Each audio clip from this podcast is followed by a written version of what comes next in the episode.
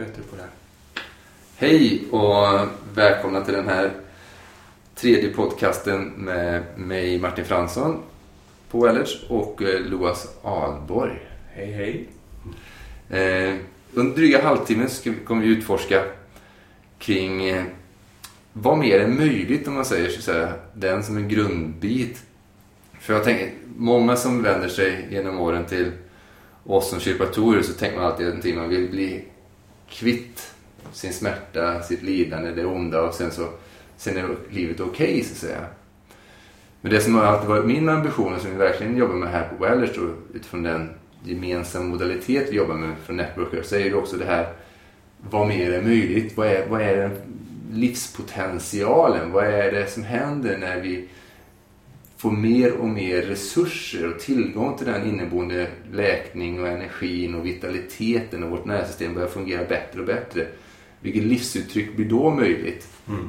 I olika traditioner så pratar man ju om upplysning och andra pratar om att man vill ha mer glädje, extas och just att utforska det där. Vad är, vad är det som kan vara möjligt mer i våra liv när vi får tillgång till mer av oss själva? Mm, precis. Och enkelt sagt kan man väl säga, vi går igenom lite olika stadier i det här och, och vi pratat om det tidigare men bara för att snabbt gå igenom det på nytt. Eh, det Martin sa här med att vi vill ju ofta bort ifrån någonting i början. Det är vad vi kallar för utforskandets årstid och vi pratar ju om fyra årstider. Ja. Och utforskandets årstid så är det just det här, vi kommer in, vi har ett besvär, vi vill bli kvitt besväret och sen tror vi att allt är frid och fröjd. Eh, och det kan det vara, men ibland så måste vi också till med någonting mer. Och då dyker också nästa årstid upp, förändringens årstid. Eh, det är då som vi oftast börjar uppleva att Ja, men det handlar inte så mycket om att komma bort ifrån. Vi vill ju till någonting. Vi sätter upp nya mål. Vi känner den här absoluta drivkraften att nå längre, komma vidare, utvecklas mer. Hitta vår potential, få tillgång till vår, vår kraft och, och den potential och den utvecklingsförmåga som vi faktiskt har och ska ha som individer. Så det är ett helt annat tillstånd. Eh, när vi kan det rätt bra, det är då vi också kommer in i det som vi kan prata lite mer om idag, nämligen uppvaknandets årstid. Eh, och det är då som vi någonstans börjar sätta oss i det här perspektivet. Vad handlar livet om? Hur ska jag kunna ge av mina gåvor till, till det goda för fler och till liksom vår omgivning, våra nära och kära? eh, världen, jorden, universum. Ja. Eh, och just det här communitykänslan, att vi är mer än bara eh, en. Ja. Och det kan vara intressant att gå igenom den trappstegen. Det här, både det här från att du sa bara vara en, det här med startade med det här personlighetsutveckling från att vi är som barn så är vi bara egocentriska. Det är bara jag, jag, jag, mina, Precis. mina, mina behov. Mm. Till vi går liksom, blir lite mer äldre och så är det familjen och vi tar hand om den nära kära gruppen. Mm. Stammen, Stammen. etnocentriska. Precis.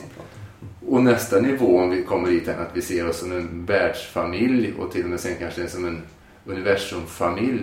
Mm. Och det är ju en, det är en mognad i vårt nervsystem. De kan ju, vi kan ju försätta oss i det ena eller andra beroende på situationer så kan vi hamna mer i tillbaka till ja, men mina, mina, mina behov. Mm. kan vi nog alla känna igen oss i.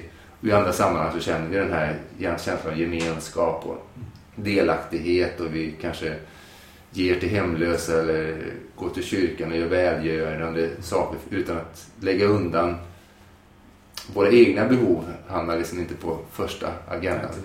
Och det här är en process det är, och det är en ständig rörelse och det är definitivt inte linjärt. Nej. Även om så att säga, evolutionärt sett så finns det en slags linjäritet. Vi behöver utveckla det ena innan vi kan utveckla Exakt. det andra.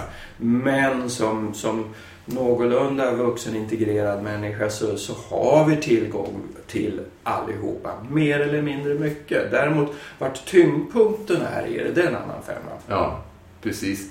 Då kan man fråga sig där att utforska just vad är det som gör att tyngdpunkten progrerar, att den utvecklas kontra då att den regrerar, att den går tillbaka till tidigare stadier. Och vi kallar ju det populärt för stress eller belastning. Mm. Eh, och är det för mycket av den så går vi tillbaka. Är det lagom så kan det faktiskt vara där för att utveckla vår kondition och utveckla vår hjärna och dess förmåga. Mm. Och i synnerhet då i den här eh, förändringens årstid eller på engelska transform. Det är ju då som vi faktiskt också kan använda den här stressen som en, en drivkraft. Det är då som det tickar igång. Det är bunsenbrännaren i häcken. Det är det som säger nu. Nu gäller det, nu ska jag vidare, nu ska det ske. Eh, och det är också då som vi kan använda redan det bränsle som vi har sparat upp i kroppen Exakt. konstruktivt och produktivt. Ja. Och det går liksom från det här create or die, alltså verkligen att nu Mm. är det Mm. att skapa eller dö, Mm. att släppa. Och att dö är ju alltid i bemärkelsen att vi släpper taget om det gamla, den gamla världsbilden, det gamla förhållningssättet till oss själva, vem vi är och till hur världen är befattad och hur våra medmänniskor är. Mm. Men just det här steget in i det här som jag tror att det är så otroligt, som jag brinner så mycket för det här. Jag tror vi alla tittar på vår omvärld och att vi står inför sådana otroliga omställningar i vår omvärld. Världen blir mer och mer komplex, snabbare och snabbare resor, snabbare och snabbare uppkopplingar på internet. Allting går snabbare och det knyter samman världen och vi blir på samma gång därmed också mer eh, samverkande i bemärkelsen att någonting som händer i nere i Syrien påverkar oss på ett eller annat sätt. Det kan Mm. få sådana inverkningar och vilken del av vår hjärna och vårt nervsystem vi behöver få tillgång till för att verkligen kunna omfamna och använda det till vår fördel då, det vi kallar frontalloben, den senaste delen av vår hjärna och dess, som är så känslig för stress. Om vi skulle utveckla det, utveckla lite grann kring det, vad är det som ska till för att vi fullt ut kan ta det här klivet och använda mer av den kapaciteten att leva och verka lokalt och globalt och i alla fall medvetandenivå omfamna det globala perspektivet. Vad, dina tankar där Loas? Ja, det bara dök upp en tanke här. Man kan, skulle ju kanske kunna ta, låt säga miljön som, som en, Ja. en eh, bild eller en metafor för det hela och, och jobba därifrån så får vi se vart vi hamnar. Ja, Men grunden, vi vet ju alla det att eh, de val vi gör i det lilla och i det stora just nu har, har och vi har gjort framförallt har fått för, förödande konsekvenser för vår miljö. ja, Och att eh, visserligen kan varje liten människa göra sitt, sin förändring i sina val.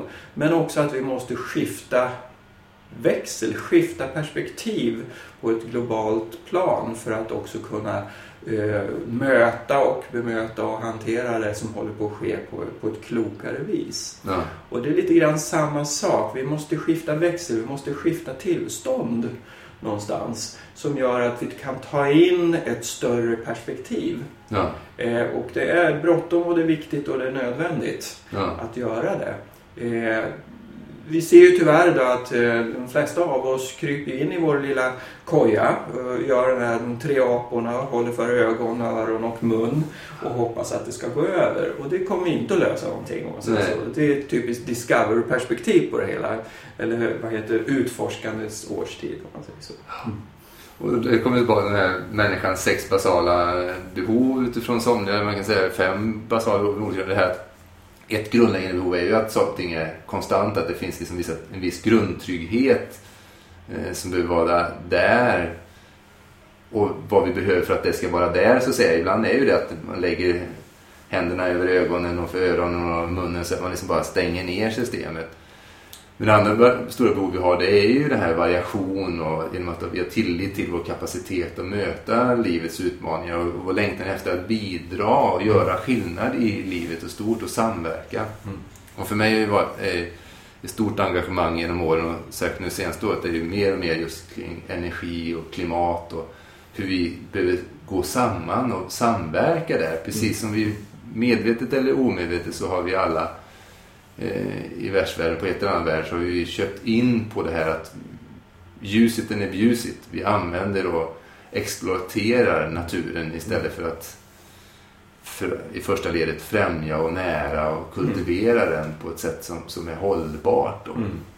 Och det där perspektivet, det tycker jag, eh, det skiftet så att säga, på global nivå, det matchar väldigt mycket det vi jobbar med Network Care som är istället för att titta på ja, banka loss på, på, på spänningar och det, där smärta, det onda sitter och, och bara göra sig kvitt vid det eller försöka undvika vad som möjligtvis ligger under där. Mm. Istället titta på hur kan det där vara en resurs, en möjlighet. Mm. De, eh, det vi står inför nu och istället nära hela systemet att bli mer helt och integrera och växa. Mm. En drivkraft till förändring. Ja, En drivkraft till utveckling och evolution. Och det står vi i miljöfrågan. Och frågan är, kan vi hitta den drivkraften att verkligen tillsammans eh, sträcka oss bortom våra bokstavliga futtigheter ja. och vårt egoistiska tänkande över bekvämlighet och behov Mm. och titta från ett helt annat globalt perspektiv för att kunna se hur vi på, tillsammans ska kunna förändra den här eh, riktningen vi håller på att gå. Ja, det är en eh, extremt viktig bit. För, jag vet inte om ni vet om det, men ni, ni spelar in det här, nu är det november, så nu är det höst och nu faller löven ner där. Jag vet inte när du lyssnar på den här inspelningen. Och det är en, en speciell årstid, liksom saker ting här i Stockholm, Sverige, så faller löven av, det går ner i, i, i död så att säga. Men det är ju, en, ger ju sen möjlighet till en transformation när våren kommer. Inte minst när vi går in i våren kring den här eh, vårdagjämningen som första gången nu 2013 enligt FN då så är det glädjens dag. Okej, det visste var första året faktiskt i år. Och den instiftades så som på grund av 2012 inför klimatsamtalen som var i Rio de Janeiro och annat och att vi behöver liksom lägga fokus på vad är det vi egentligen vill ha mer utav och Mm. är det genom att ha snabbare bilar och annat där, utan det här med glädje och tacksamhet som en sån Mm. fundamental aspekt egentligen. Och det är det som FN är där för att ombesörja. Den här Mm. globala organisationen som reste sig ur det största lidandet vi hade under 1900-talet, Mm. andra världskriget. Och just att eh, den absoluta drivkraften i det hela är ju just community. Ja. Det är tillsammans vi kan stå starka. Det är tillsammans som verklig utveckling kan ske. Mm. Eh, Det är tillsammans det finns energi. Det är tillsammans också som det finns bokstavligt talat kärlek. Ja. Eh, Så det är den här gemensamma tanken som, som är så otroligt vacker och, och, och fin så att säga. Mm. I vått och torrt. ja, precis. Det finns en glädje i det och det kan ju också vara andra upplevelser och känslor. Där vi, men tillsammans så har vi också möjlighet att hela eller läka det Exakt. på ett helt annat sätt än när Mm. vi känner oss avskurna. Ja. Så det, det är det som den, den metaforen gillar jag just det att ur det, ja, i första världskriget i samband med det var ju nationella förbundet NF som kom igång. Blev aldrig någon riktigt drivkraft utav det. Men FN har ju verkligen, gör ju väldigt mycket. Man kan ha mycket åsikter om det. Men det är verkligen en världsorganisation som reste sig ur askorna utav otrolig lidande och smärta. Mm. Och att titta på det utifrån det individuella planet just Mm. detsamma. Att Mm. Från, vi kallar transformation, Mm. uppvaknande perspektivet. Att när vi kan ta det perspektivet och klara av att vara i total tacksamhet till eventuella sjukdomen jag har eller eventuella symptomen som därmed hör till eller vad det nu än må va- drabba mig som initialt bara är fullt av lidande och jag vill ingenting annat heller att varför drabbas jag av det här och varför kan inte det här bara försvinna Mm. till att istället kunna gå in i totalt omförande. Vad, herregud vad tacksam jag är för att det här hände för annars skulle jag aldrig ha gjort de här valen. Mm. Annars skulle jag aldrig valt att expandera och, och, och göra- vara så mycket mer i livet. Mm. Eh, I, uppvaknandet så är det ju vissa aspekter som, som vi kan titta på. Och det, det är ju spännande som du säger det här, du var inne lite grann på att det finns en sån tydlig isomorfi eller likheter. Man tittar globalt Mm. i, s- i ett samhälle, kultur eller liksom hela globala skenen på jorden. Men också samma sak kan vi också se i, i individen. Och vår resa från amöba till, till Ja. världsmänniska om man Ja. säger så.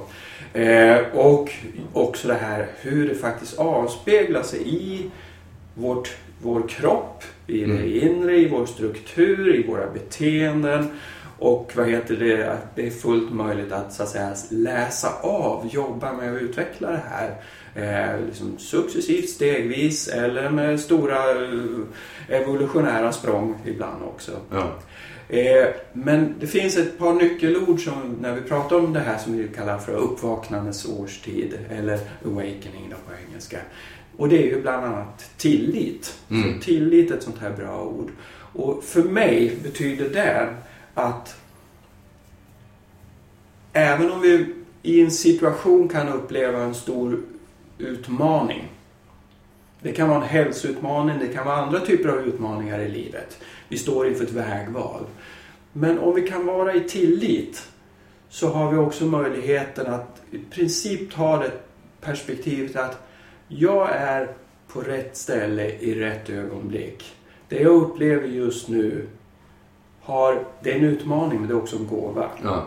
Och kan jag fokusera på möjligheten att det är en gåva och vara närvarande i den upplevelse är obehaglig eller behaglig. Det är då som jag ofta också kan se bortom den här liksom begränsningen som vi kan känna när det är för mycket av en utmaning. Mm. Och plötsligt se vad som blir möjligt, vad som kan bli av det här.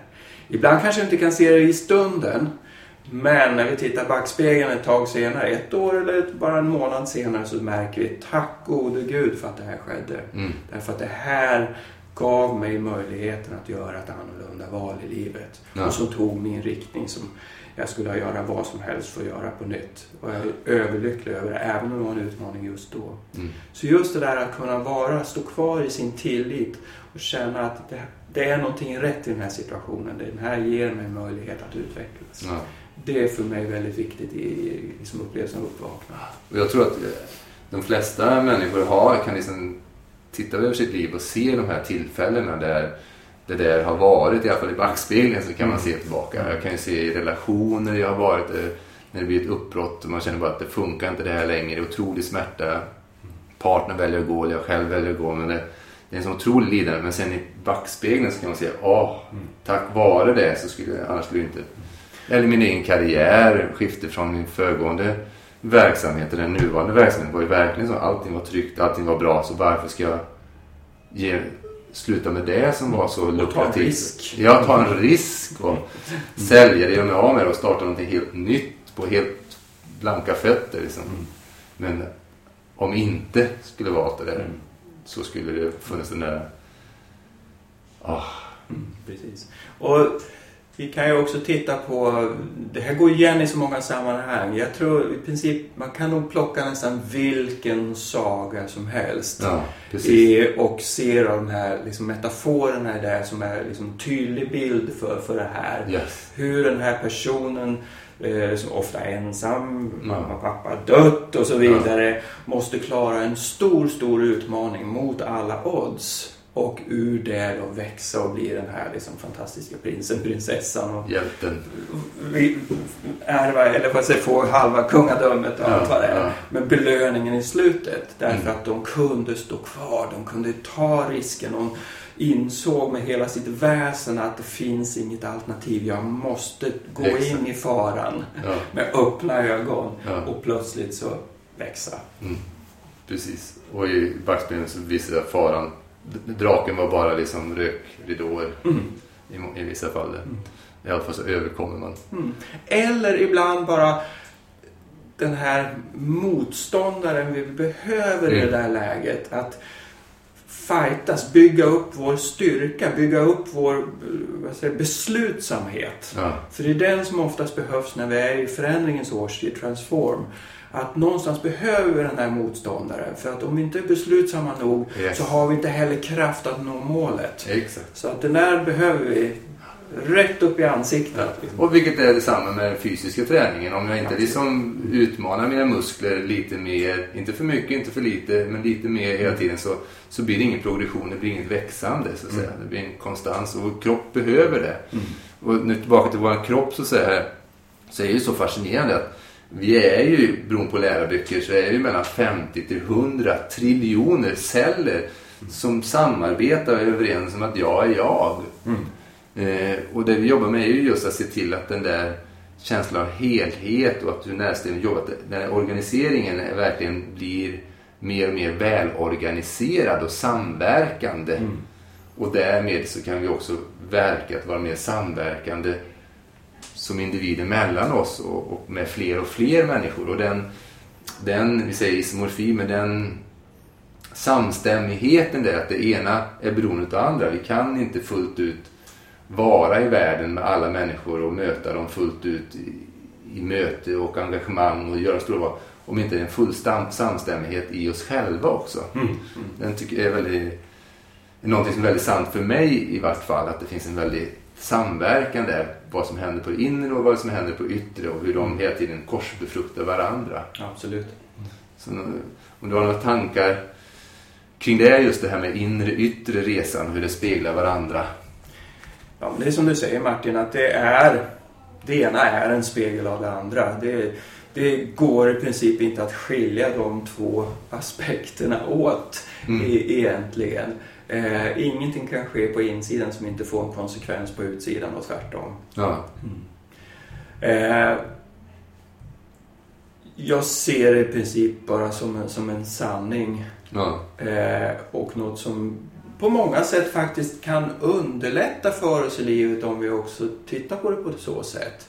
Eh, för att när vi har ett speciellt perspektiv, ett visst tänk och vi märker att det får konsekvenser hur vi handlar Ja. så kan vi också få insikter kring det Ja. helt enkelt.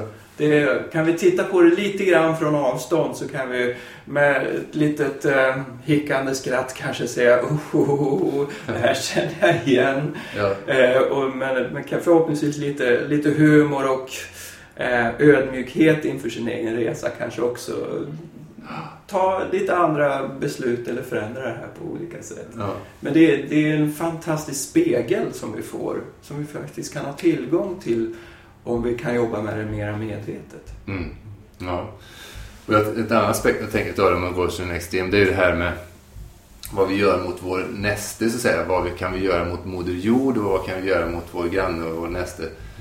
Eh, de- desto mer vi är i, i helhet med oss själva, desto, desto mjukare och kärleksfullare vi är med oss själva, desto mer kärleksfulla är vi av natur också mot vår medmänniska, så att säga. Absolut. Och, och den andra aspekten utav det är givetvis det att vi kan inte döda eller såra eller kränka någon annan om det inte är som så att vi på något ställe har kränkt oss själva eller sårat oss själva. Mm. Eh, Så den här, den här dynamiken så att säga, att, eh, i, de- i den aspekten utav det och även då mot Moder Jord. det- Skulle vi fortsätta att hålla på med miljöförstöring och slänga och sopa ner runt omkring oss om vi totalt hedrade vår egen, vår eget palats, vår egen inre tempel, vår egen kropp och totalt värnade om den så att säga. Mm. Och för mig är det sant att desto mer vi tar hand om och värnar och hedrar vår egen, desto mer hedrar vi utåt också. Då. Mm. Absolut. Sådär. Och då är det sant för mig att då blir vi som individer gladare, lyckligare och tacksammare och vi får en värld som också blir mer utav detta här. Mm. Och att nu är det verkligen dags för det. Mm. Ja, vi står i ett stort skifte det, och eh, ju fler människor som kan aktivt verka både med sig själv, sin egen utveckling, eh, precis som det vi, vi hjälper till att jobba med i vår dagliga gärning, desto lättare kommer det förhoppningsvis vara att få också de aspekterna av att ske på en, en social, kulturell och världslig nivå. Mm. Det börjar ju någonstans med, med oss själva. Ja. Och en av de här första deviserna som kom upp, det var en sån här bumper sticker som man satte bak på, i bakrutan eller på, bak på bilen eh, i Network var eh, Changing the world a spine at a time. Ja. Och den, den är faktiskt väldigt eh, slående på många sätt Ja. och vis. Vi, vi måste börja med att förändra oss själva. Eh, och då har vi också möjlighet att nå förändring i det större tillsammans. Exakt. Ja. ja, den är väldigt... var en, ryggrad i taget. Och då kommer vi som avrunda kan bara just det här som kommer tillbaka till det vi, vi gör. Så att vi, man kan ju prata och lära sig mycket teori och eh, ha mycket intellektuell förståelse om de här sambanden och sen så kanske då vi agerar på ett annorlunda sätt. Och hur det kommer tillbaka till hur stor del av vårt beteende som, som drivs utav det, de här äldre delarna av vårt nervsystem, reptilhjärnan som har mer som prio överlevnad, mm. mina behov, mina behov, min överlevnad. Och ju mer stressfysiologi vi är så, så, och ju mer triggade vi blir in i det så desto mer faller vi tillbaka till reptilhjärnan och dess mm. mi, mi, mi, mi, mina, mina, mina behov. Mm. Ja, och, och just det att vi jobbar med just att verkligen stödja nervsystemet via det äldsta språket vi har, beröring och rörelse. Mm. Att gå från försvarsfysiologi, otrygghet till mer kapacitet att vara trygg i allt fler samband. Då. Mm. Och det är också intressant i det att när vi har egentligen en högre kapacitet än att vara i försvar ja. eh, så skapar det en dissonans i oss. Ja. Och det är den dissonansen som om den får fortgå tillräckligt länge gör ont. Ja. Det gör ont i själen eller det gör ont i kroppen. Och återigen, vad är då det? Jo, men det är den här drivkraften till att verkligen börja titta på sig själv. Utforska, vad är det som händer? Hur mår jag? Och sen naturligtvis förändra. Mm. Liksom, få det ske, välja ett nytt mål, ta det vidare för att sen få, återigen få komma tillbaks till det här tillståndet av att vara i närvaro och i gemenskap med oss själva och med alla andra i, i, i kring oss. Ja. Så att det är den här ständiga resan genom de här årstiderna som det, som det här handlar om. Där de här dissonanserna är just de här drivkrafterna till att låta oss fokusera om och göra annorlunda och utvecklas ja. på nytt. Ja. Och behöver alla årstiderna och dess Exakt. År.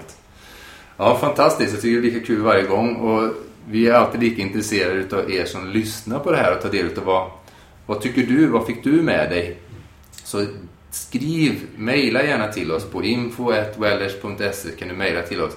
Och allra helst lämna kommentarer där du ser det här på, direkt på hemsidan eller om du ser det på Facebook. Så, så låt oss få veta vad du fick ut av det här, vad du tyckte om det här och inte allra minst dela det vidare och låt oss veta vad vill du veta mer om till nästa gång som vi kan dela med oss till dig som ska göra ditt liv rikare. Mm. Så du kan må bra och vara på topp varaktigt genom livets alla skeden. Jag tackar för mig, Martin Fransson.